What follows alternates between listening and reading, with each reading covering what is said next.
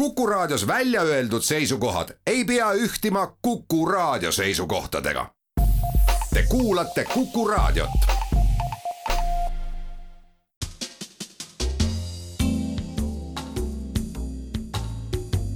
tarkade klubi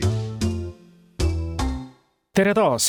kuku raadio Tarkade klubi tervitab häid kuulajaid näärikuud poolitaval laupäeval, kui taliharjapäev, üks paljudest vanarahva kalendris, on jäänud selja taha ja tõnisepäev, see üks ja ainus, seisab ülehomme ees ning seapead ja vähemasti kõrvad võib likku panna ühes lambakääridega, millega vähemasti vanasti käidi võõraid lambaid pügamas.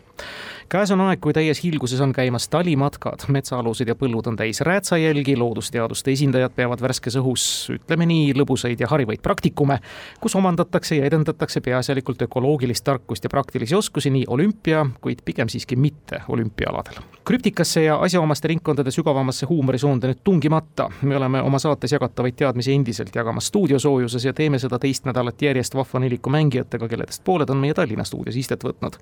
hea meel on taas tervitada ajakirjanikku, kolumnisti, lähiajaloo talletajat ja tutvustajat Hannes Rummu. tervist!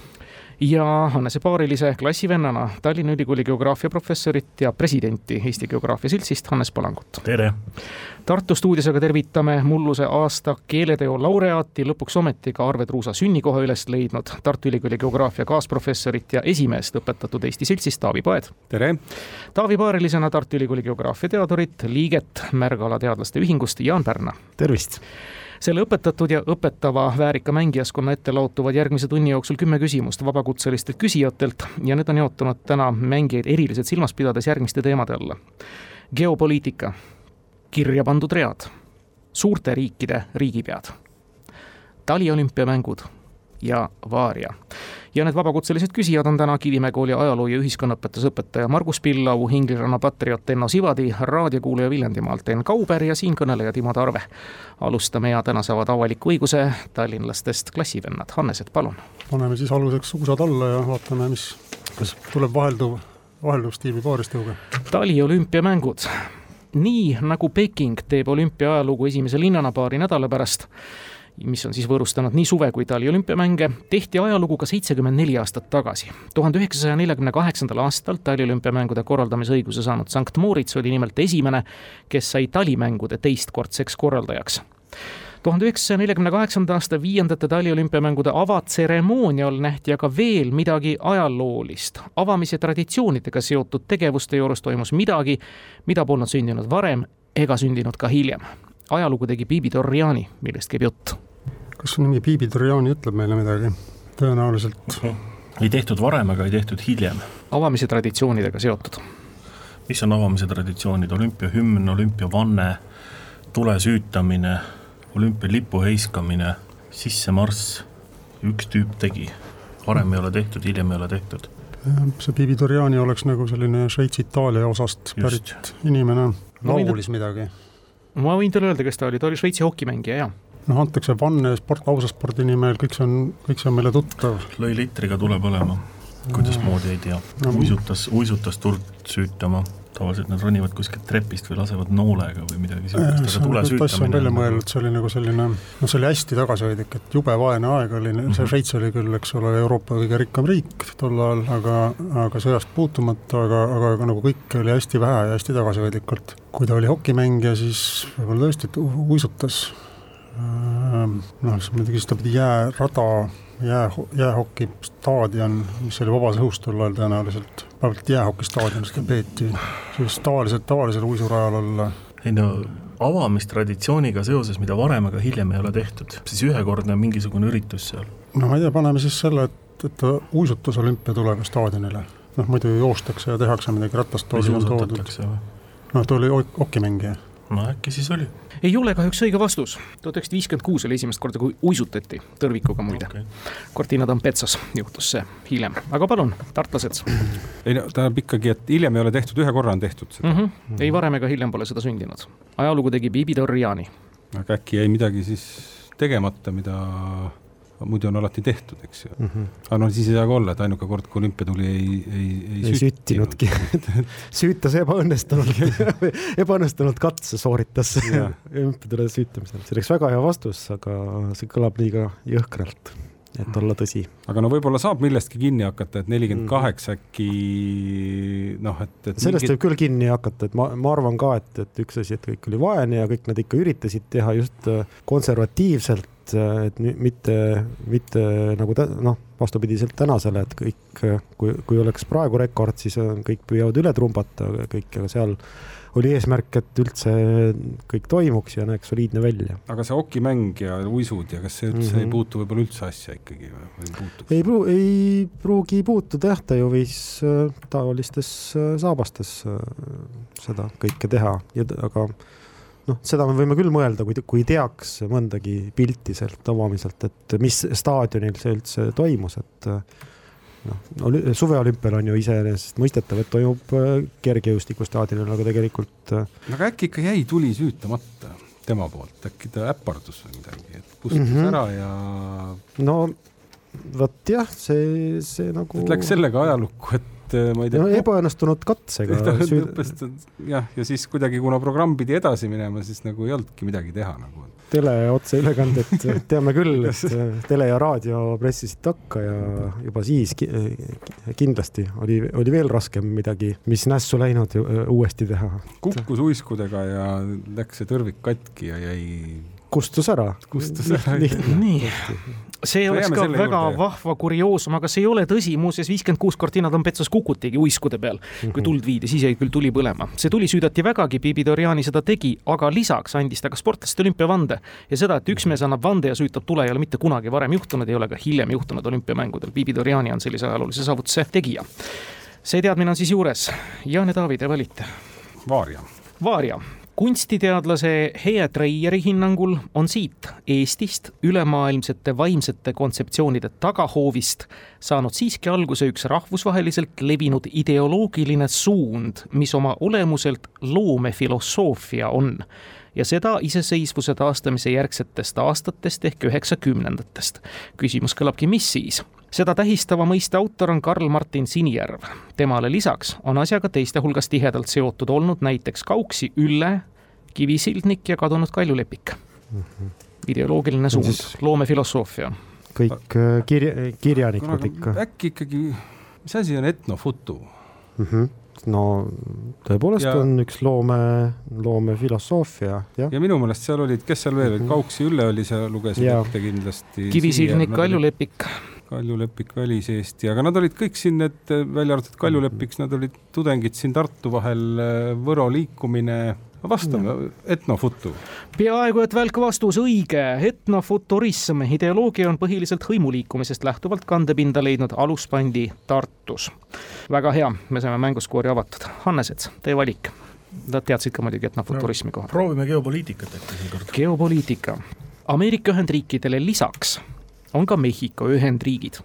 maailmas on teatavasti veelgi erinevaid föderatiivseid riike, Vene Föderatsioon, Saksamaa Liitvabariik ja Brasiilia Liitvabariik näiteks. milline suveräänne maa on aga ametlikult liiduriigid?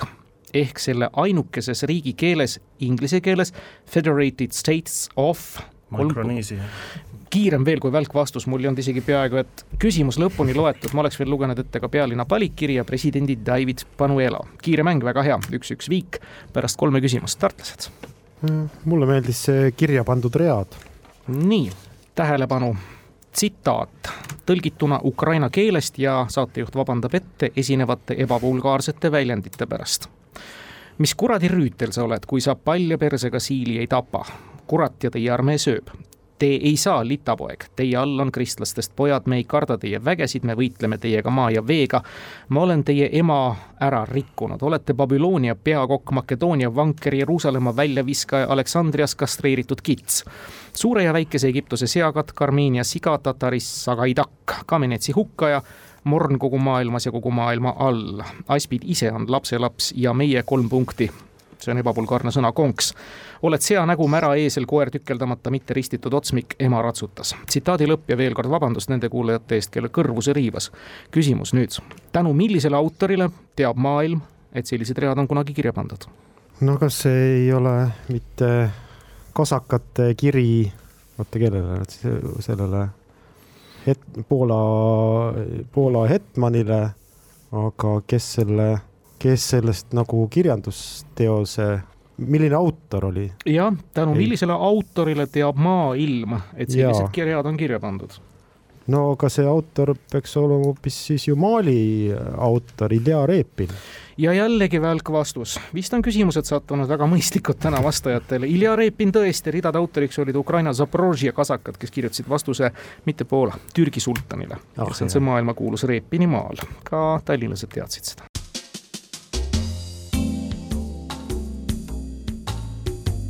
Tarkade klubi. Hannesed, teie valik selles hoogsas mängus. no proovime teise geopoliitika ära. teine geopoliitika küsimus. tartlastel natukene raskem pärast tuhande üheksasaja üheksakümnendatel aastatel kommunismi kokkuvarisemise järel hakkas teiste seni sirbi ja vasara võimu all olnud riikide hulgast samamoodi Mongoolia enesele uusi arenguperspektiive seadma, kaasa arvatud geopoliitilisel tasandil Ameerika Ühendriigidki kasutasid mõistagi võimalust kontinentaalsel maal oma huve edendada ja hoiavad seal selles mõttes rauda tules tänaseni. Washingtoni välis- ja julgeolekupoliitilistes ringkondades sündis spetsiaalselt Mongooliale mõeldes ka üks poliitiline kontseptsioon, mis USA-d Mongoolia jaoks teatud erilisel viisil asendamatuks teha püüab. mis nimega või millise sisuga poliitika? on see üllatav või mitte, aga meie siinkohal küsitav on ka Ameerika Ühendriikidele enestele mõneti paradoksaalselt teatud konkreetsel põhjusel vägagi hästi mõistetav, ehk USA saab ennast Mongooliaga antud tähenduses nii-öelda psühholoogiliselt samastada. millise sisuga poliitika, mis nimega poliitika? Mongoolias ainukese asjana, mis ma tean alates üheksateistkümnendast, üheksakümnendate aastate algusest oli see, et neil avastati vahepeal tohutult kaevandusi, kõik maailma kaevandusriigid tormasid sinna kokku, alates Austraaliast, lõpetades Venemaa ja USA-ga aga see oli selline lihtsalt ühekordne buum, mis tõi riiki väga palju raha, siis nad müüsid oma kaevandused välisfirmadele ära ja rohkem lihtsalt nagu väga palju mingit kasu ei ole, aga see ei olnud mingisugune teadlik poliitika, et see oli lihtsalt siis võimulolijad, võimul olevad poliitikud, poliitikud said väga rikkaks sajandivahetusel, riik ise jäi vaeseks. aga see USA-le paradoksaalne poliitika võiks olla siis? kui see teistpidi oota, kuidas see sõnastus oli, USA-l oli mingisugune oma huvi Mongoolias? Ja, ja hoiab ka raudasid tules, teatud erilisel viisil üritab siis Mongooliat enese jaoks asendamatuks teha, on see nüüd üllatav või mitte, aga meie küsitav on ka Ameerika Ühendriikidele enestele mõneti paradoksaalselt teatud konkreetsel põhjusel vägagi hästi mõistetav. ehk siis USA saab ennast Mongooliaga antud tähenduses nii-öelda psühholoogiliselt samastada psühholoogiliselt samastada, et Mongoolia on suur maa, võrreldes asustatud oot, oot, oot, oot, oot, oot, oot, hakkame nüüd kaarti vaatama. Mongoolial on üks põhjanaaber ja üks lõunanaaber, USA-l on üks põhjanaaber ja üks lõunanaaber. see on siis mingisugune kahe naabri poliitika või, või, või no see on loogiline. mul esimene mõte oli see, et on isolatsionism, eks ole, USA ka isoleeris ennast korralikult mingil ajal ära ja Mongoolia on ka suhteliselt hästi isoleeritud kogu ülejäänud maailmast. isolatsioonipoliitika ja... siis selles mõttes, et seal on muidugi teine asi on see, et hiinlased hakkasid, mida ma jälle Mongoolia kohta, väheseid asju, mida ma tean, on see, et hiinlased hakkasid ehitama sinna äh, kiiresti Põhja-Hiinast raudteid, et saada ligipääsu Mongoolias kivisöele ja no see on, majandus ongi poliitika, et, et selles mõttes nagu kui see Ameerika eesmärk on isolatsionism, siis nüüd kindlasti nii Venemaa kui, kui Hiina on seda üritanud murda, aga nüüd isolatsionism on siiamaani parim pakkumine, jah. isolatsioonipoliitika, et siis hoida ja kas ei ole see mingi tasakaalupoliitika, et hoida Mongoolia seal äh, Venemaa ja Hiina vahel kuidagi tasakaalus ja toetada neid, et nad balansseeriksid kahe naabri vahel? no oota, nüüd on, siin on kaks, kaks nagu kaks ideed on laua peal meil praegu, eks ole, USA, kui USA tegeles oma isolatsionismiga, siis nad ei tahtnud maailma asjadesse absoluutselt sekkuda, nad hoidsid lihtsalt eemale. ja vaata, Esimese maailmasõja ja Teise maailmasõjaga nagu asjad hakkasid liikuma siis, kui USA toodi sealt välja. nüüd äh, Mongoolia hiigelsuur sõjavägi peale Džingis Khani ei ole suurt midagi korda saatnud, et nende sealt väljatoomisel ei ole nagu väga suurt mõtet nojah, USA oli isolatsionismi, lubas, võis endale lubada isolatsionismi sellepärast, et nad olid lihtsalt nii võimsad. aga, aga kui meilt tahetakse nüüd, eks ole, ühte poliitikavoolu nime uh, -huh paneme ära siis. siis paneme selle isolatsionismi ära, ega me siis midagi targemat välja ei mõtle praegu. ei ole kahjuks õige vastus. Tartu, Jaan ja Taavi. ei ole häid mõtteid ja ei ole kuulnud äh, üldse, mis on tõesti Ameerika Ühendriikide Mongoolia poliitika. ma mõtlesin, kuidagi läks ühel hetkel nagu, et kuidas kõige lihtsamini enda valdusesse saada kuidagi oleks, et no mingi haridusteema, et noh, et käid nagu ülikooli, et noh, et mongoollased, tulge õppige nojah, aga see ei kõla ka nagu poliitikana, et see peaks kuidagi löövalt kõlama, aga mulle tegelikult meeldis see, see Palangu noh, paralleel või, või jah, et, et nad mõlemad on just nagu alasi ja haamri vahel, ehk siis äh, selline kõnekäänd, mis äh, minu meelest juba Kreeka mütoloogiast, äh, sealt Odüsseiast no, võiks olla sealkandis ka tuntud. Ameerikal muidugi vist Kanada poolt midagi ei ähvarda otseselt, eks. ei, seda jah, Kanada on lihtsalt suur jah ja. ja., seda küll, aga see oleks nagu noh, selline lööv poliitika, et noh, muust rääkida on nagu lihtsalt poliitika, aga aga nagu mingisugune selline nimetus. päris vist ei saa nagu mingit naaberriigiks ei saa vist Alaska üks riik jääb ikka vahele, et nagu öelda, et oleme nagu naaber. ei, aga see olekski ju vastupidi, et noh, et nemad on nagu sealt alasi ja haamri vahelt aitavad välja. kas see vastus on nagu ühe sõnaga öeldav ka, siis küsime Timo käest, äkki ta aitab. ei, ta ühesõnaline vastus ei ole, see on nüüd konkreetne poliitika nimetus. nii nagu oleks ühe Hiina poliitika, eks ju yeah aga seal, aga selles küsimuses sellist. oli veel kuidagi, et USA ise on nagu teistpidi kogu maailma jaoks midagi sarnast või midagi sellist mm. -hmm. paradoksaalselt teatud konkreetsel põhjusel vägagi hästi mõistetav on meie küsitav. USA saab ennast Mongooliaga antud tähenduses psühholoogiliselt samastada. jah, ma ei, ma ei, ma ei, ma ei oskagi ühtegi muud asja tuua, kui tõesti, et, et on nagu põhja ja lõuna, suur põhja ja lõuna naaber ja mille poolest oleks USA tunneks ennast samas olukorras nagu Mongoolia. nagu vaata, et ühegi muu asja poolest ei tunne kas Mongoolia, kas Hiina, vaata USA-l on kahe Hiina poliitika või ühe Hiina poliitika ühe Hiina poliitika ja. Taiwan'i poliitika. ja ühe Taiwan'i poliitika ja, ja ühe Mongoolia poliitika, aga, aga see vist ei kõla ka nii hästi. ei, aga kui midagi peab pakkuma, siis mina pakun selle Skylla ja Charybdise ehk Alasi ja Haamri poliitika. noh, paneme selle jah mõte on õige, aga siiski ma ei saa punkti panna, sest et sel poliitikal on oma nimetus, see on kolmanda mhm. naabri poliitika, ehk siis võimalus mhm. tõesti Mongooliale olemasoleva kahe ülekaaluka ja üleoleva geograafilise naabri kõrvale vahelduseks ka enda liitlassuhetega võrreldavat sõprust pakkuda, ehk siis ennast kolmandaks naabriks suruda. ja USA-l on siis samuti tõesti nagu mainitud sai kahe riigiga ainult maismaa piir, Mongoolia nii-öelda kolmandaks naabriks tahab ennast näiteks ka Jaapan sobitada, aga ka samuti India. Te olete õigel teel, lihtsalt õiget vastust siit nii-öelda välja ei koorunud, aga see on moraalne punkt, moraalne punkt mõlemile. no Hannes Palangule ka moraalne. kindlasti, kindlasti, siin noogutus tuleb. me jätkame Tartu kaks-üks eduseisus ja teie, tartlased, saate ka valida uh. -huh. riigipead ei ole mu lemmik, aga mulle üldse selle. ei meeldi need riigipead mm. -hmm. kindlasti tuleb mingi Aasia riigipea küsimus nii. palju suuri riike. Ameerika Ühendriikide neljakümnes president Ronald Reagan kandis lapsena ühte konkreetset hüüdnime. seda eelkõige ta enam-vähem potisoengut meenutanud juukselõiku stiili tõttu taolist soengut seostati aga tollal, enam kui sada aastat tagasi, ühe kindla Euroopa rahvuse esindajatega, kelle seast arvestataval määral samuti uude maailma rännanuid leidus. millise rahvuse või milline inglisekeelne hüüdnimi siis tulevasel riigipeal oli? vastav rahvus ennast nii ise ei kutsu, küll aga nimetab ennast nii küsitava naaberriik ja rahvas veidi erineva, aga siiski sama tüvega sõnaga. naaber, naaber kutsub? Ennast küll nõndaviisi, aga veidi erineva, aga siiski sama tüve sõnaga. no siis on, ma arvan, üks kõva kandidaat on, on hollandlased, kes on, on siis Dutch, noh näiteks vastaks sellele viimasele vihjele et iseennast ei, ei, aga iseennast kutsuvad või, või naabrid. ise nad ennast ei kutsu nii, küll aga teised. Ja nii nimetab ennast muide küsitava naaberriik ja rahvas. Jah yeah no Deutsch ehk Deutsch oleks. Äh, paneme punkti kirja, kõik õige, see oli sisuliselt välkvastusena tulnud teadmine, Dutch ehk hollandlane ja veel keskajal hõlmati väljendiga Deutsch ehk sakslane ja saksa keel teiste hulgas samuti praeguseid hollandlasi. Hannesets, teie kord. no proovime vahelduseks taliolümpiat. taliolümpiat tuhande üheksasaja seitsmekümne kuuenda aasta taliolümpiamänge võõrustas vaid kaheteistkümneaastase vaheaja järel taas kord Innsbruck. Austria suusakuurort oli ainsana valmis kolmeaastase etteteatamise ajaga mänge vajalikus mahus ja määral läbi viima esiti mängude läbiviijaks valitud Ameerika Ühendriikide linn loobus suuresti elanike vastuseisu ja majanduskaalutluste tõttu nimelt osutus mängude läbiviimine linnale kolm korda kallimaks, kui esiti plaanitud.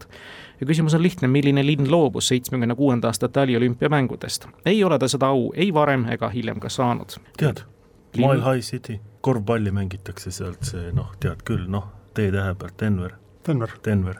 Denver õige ja välk vastus sisuliselt teine punkt Tallinnale, Tartu kolme vastu, kui mängus on seitse küsimust küsitud. Lähme edasi, tartlased. meil on vaariad kirja pandud ridu ja suurte riikide riigipäid. kirja pandud read. Teena Sivadi küsimus. Jelena Burman-Malachvetsi võib kindlasti nimetada klassikuks Vene eksiilkirjanik Jevgeni Zamjatin on nimetanud Malachvetsit kõige loetavamaks autoriks Vene emigrantide hulgas. Ta edestas seal isegi Puškinit, kes jäi selles arvestuses teiseks. milline oli Jelena Burman-Malachvetsi loetavaim raamat?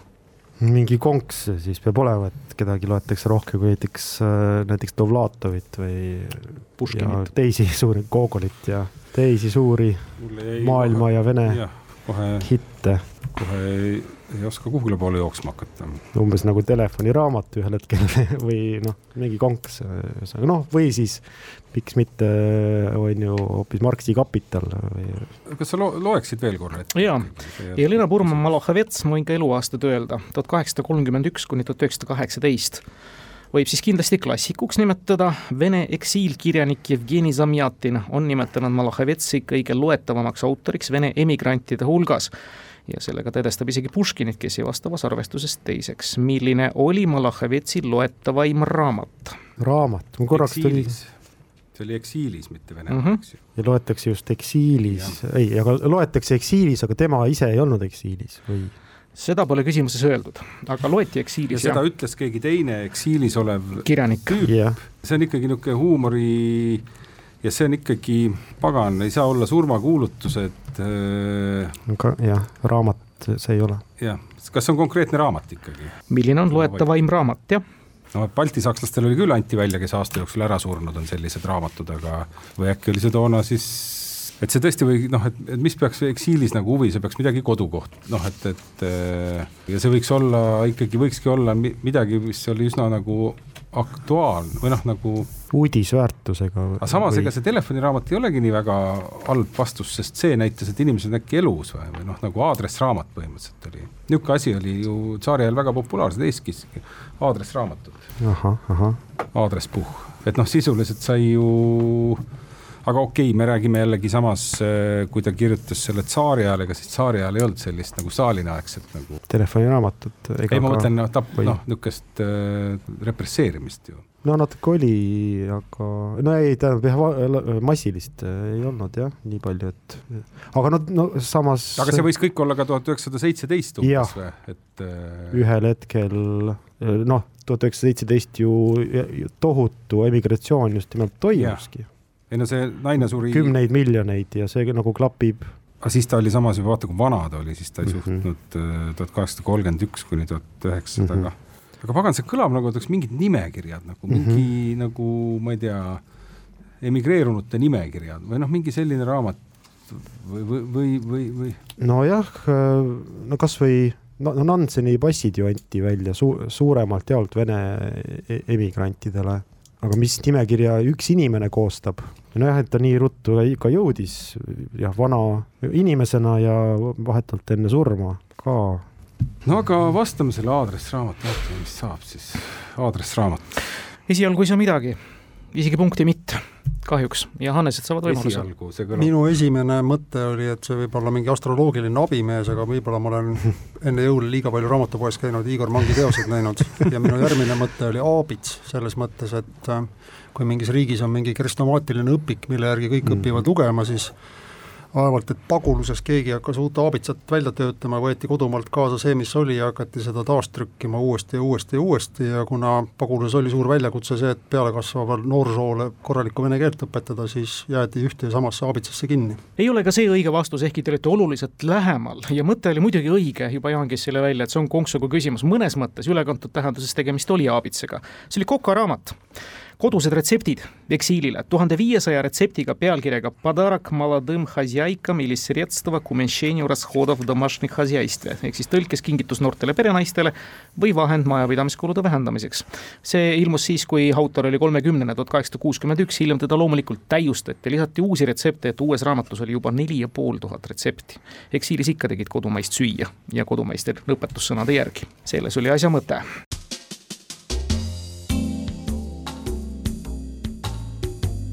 Tarkade klubi nii, kaks teemat on jäänud ja kaks küsimust, Hannesed. kas meenuta palun, mis need valikud on? Vaaria või suurte riikide riigipead? no eelmine Vaaria oli selline, oleks pau-, kiirvastuse vastanud, kas me riskime Vaariaga või võtame meie riigi? tegime seda no riskime ära, võtame Vaari ära. ja kuulaja Enn Kauber Viljandimaalt. konkreetne küsimus, kellest käib jutt? eluaastad tuhat kaheksasada üheksakümmend neli kuni tuhat üheksasada seitsekümmend üks. Tema perekonnanimi kirjutatakse eesti keeles kaheksatähelisena, esperanto keeles seitsmetähelisena, hispaania keeles üheksatähelisena, inglise keeles kümnetähelisena, prantsuse keeles kaheteisttähelisena, saksa keeles kolmeteisttähelisena. nii eesti, inglise, saksa kui hispaania keeles on algustäht kusjuures nimel erinev. teises maailmasõjas jõudis kindralleitnandi auastmeni. ajakirja Time, aasta inimene, tuhat üheksasada viiskümmend seitse. Äh, viiskümmend seitse oli siis, lõhnaks nagu mingi briti või prantsuse järgi. Äh, De Gaulle, Churchill. De Gaulle elas väga vanaks, ei, Churchill elas ka väga De vanaks. Gaulle suri natukene teisel ajal, De Gaulle oli tuhat kaheksasada üheksakümmend kuni tuhat üheksasada seitsekümmend näiteks, midagi niisugust. De Gaulle oli, kindralleitnant on natuke vähe De Gaulle'i jaoks. aga miks tal see nimekuju nii erinev on? mm, jäin ka praegu mõttesse, et äh, seitsekümmend üks, mis riigid need, võta, võtame läbi, et äh, Taim ei saanud valida viiskümmend seitse aasta inimeseks sakslast um,. Eisenhower, kas oli põhjust teda valida viiskümmend seitse aasta inimeseks? aga Eisenhower nimekuju eesti ja inglise keeles on sama. Eisenhower on, eesti keeles on kaheksa tähte, Eesti keeles on kaheksa. Inglises kümme. jah ehm,. hiinlastest keegi? ei, Mao Zedong. No tema on see, keda siis nagu Hiina nime Mao, võib kirjutada Mao häda on selles, et Mao suri seitsekümmend kuus, mitte seitsekümmend üks. noh, ma ei tea, kusjuures mõte on hea selles mõttes, et ta peab tulema mingist teisest tähestikust, et siis sa saad teha igasuguseid asju. Aafrikast äh, viiskümmend seitse vara veel, hakkasid kuuskümmend, kuuskümmend üks iseseisvuma. oot-oot-oot-oot. Jaapanist keegi, no veel aasta inimene äh,. Egiptuses oli Suessi kanali kriis oli millal? oli viiskümmend teine pool. Egiptust ma ei suuda seda Nasserit mõtleda, aga Nasser ei lähe siia alla. no see oli Nasserist varasem, kes see kuningas neil oli seal? ei nüüd lasi auklikuks selle küsimusega. mm. -hmm. kaheksasada üheksakümmend neli, seitsmekümne viie aastaseks Žukov. Šukov jääb lühikeseks. see kaheksa tähte käib perekonnanime kohta, eks ole mm -hmm., mitte, mitte no väga kaua, kaua elas Guderian, Saksa kindral, aga tema nüüd aasta inimene vaevalt, et oli kaheksa tähte on muidugi, kõigis keeltes erinev. viiskümmend seitse aasta inimene, Žukov on natuke varasem, Žukovil olid viiekümne seitsmendal ta elas kauem, ei, ta võib-olla ei elanud. ei, Žukovi aastad nagu peaaegu isegi klapivad. tähtede arv ei sobi. tähtede arv ei sobi. aga Venemaalt, kes see sai olla Venemaal viiskümmend seitse? Hruštšov, need on erinevad või? no need on erinevad asjad.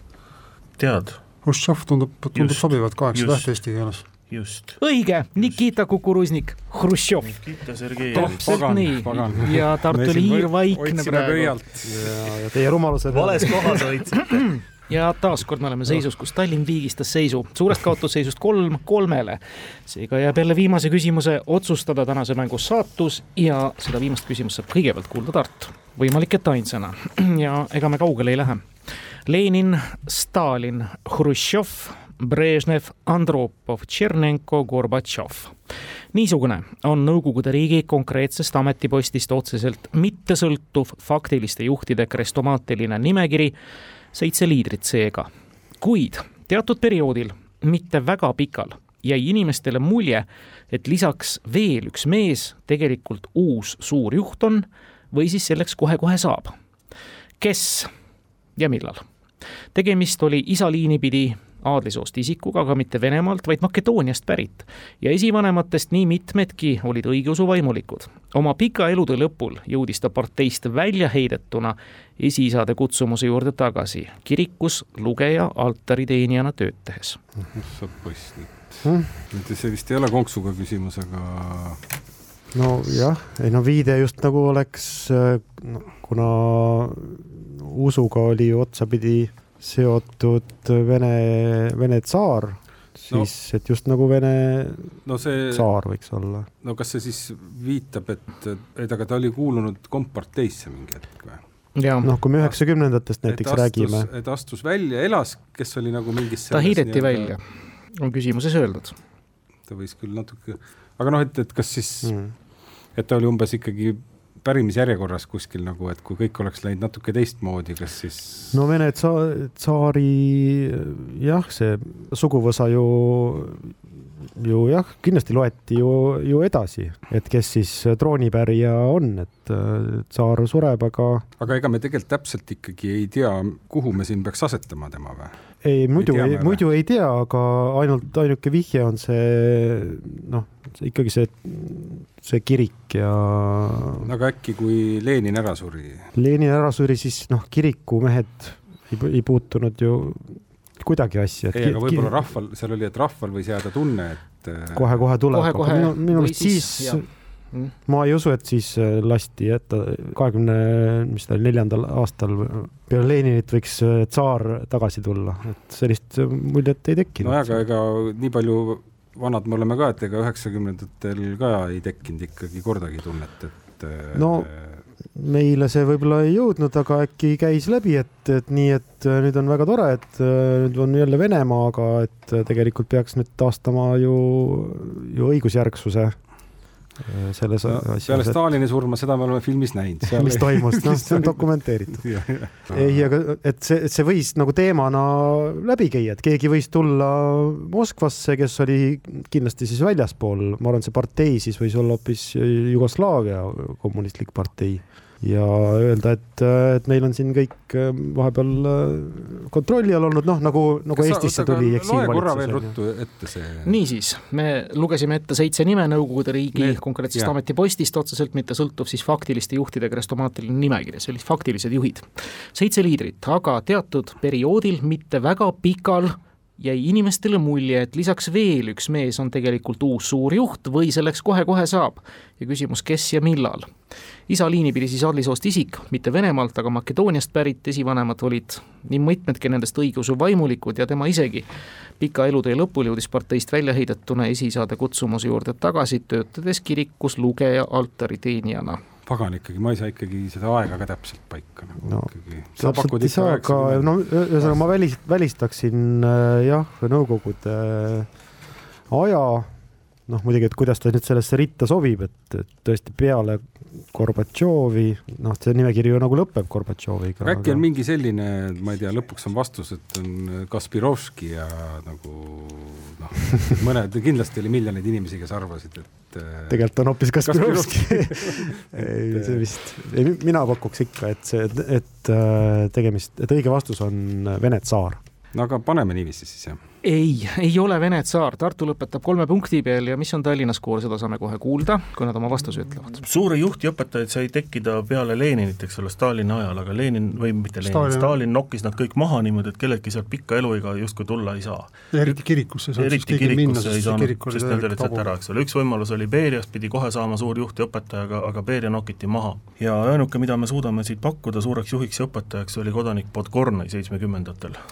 Ei ole ka Podgornõi ja teate, kui hea meel, et ka täna tänane mäng lõpeb viigiga, nii nagu nädal tagasi, kolm-kolm. ja muuseas, Stalini surmajärgne, mida me kõik oleme filmidest näinud, tasub ikkagi meelde tuletada, see oli see aeg, kevad-suvi viiskümmend kolm. see mees oli Georgi Malenkov vahetult Stalini surma järel sai siis NSV Liidu ministrite nõukogu esimeheks ja poole aasta vältel, kuni Hruštšov septembris partei esimehe sekretäri kohale omale sai ja tegeliku võimu enesele konsolideeris, oli meie küsitu üldiselt paljude poolt Stalini mantlipärijana käsitletud ja samasse ajavahmikku jäi tõepoolest ka odioosse julgeolekubossi Beria juhtkonnast kõrvaldamine. head sõbrad, viigiseisu juures taas kord läheme sõpradena lahku, näärikuud pidama ja praktikume õue. valime enne ära ka täna kuuldutest parima küsimuse. see on nüüd küll hea valik. häid küsimusi. Need olid kõik sellised suhteliselt kiired küsimused siin. jah, mäng on ka suhteliselt tempokas olnud. ma ütleks Hruštšov selle arvan, kohta jah, Hruštšov mm -hmm, sellepärast, et meil oli see küll kirjas, aga teie, me nautisime teie nagu otsinguid. Ja tegelikult te tulite sellest auga välja, nii et äh, ikkagi. tubli Tallinn. Tubli. Ja aitäh, aitäh. ütleme siis ka tubli Enn Kauber, lekitame omalt ja. poolt siis ka auhinna Viljandisse Enn Kauberile, soovime edu, jõudu. aitäh teile, Taavi Jaan Tartusse, aitäh, Hannesed Tallinnasse, ilusat talve jätku ja kuulmisteni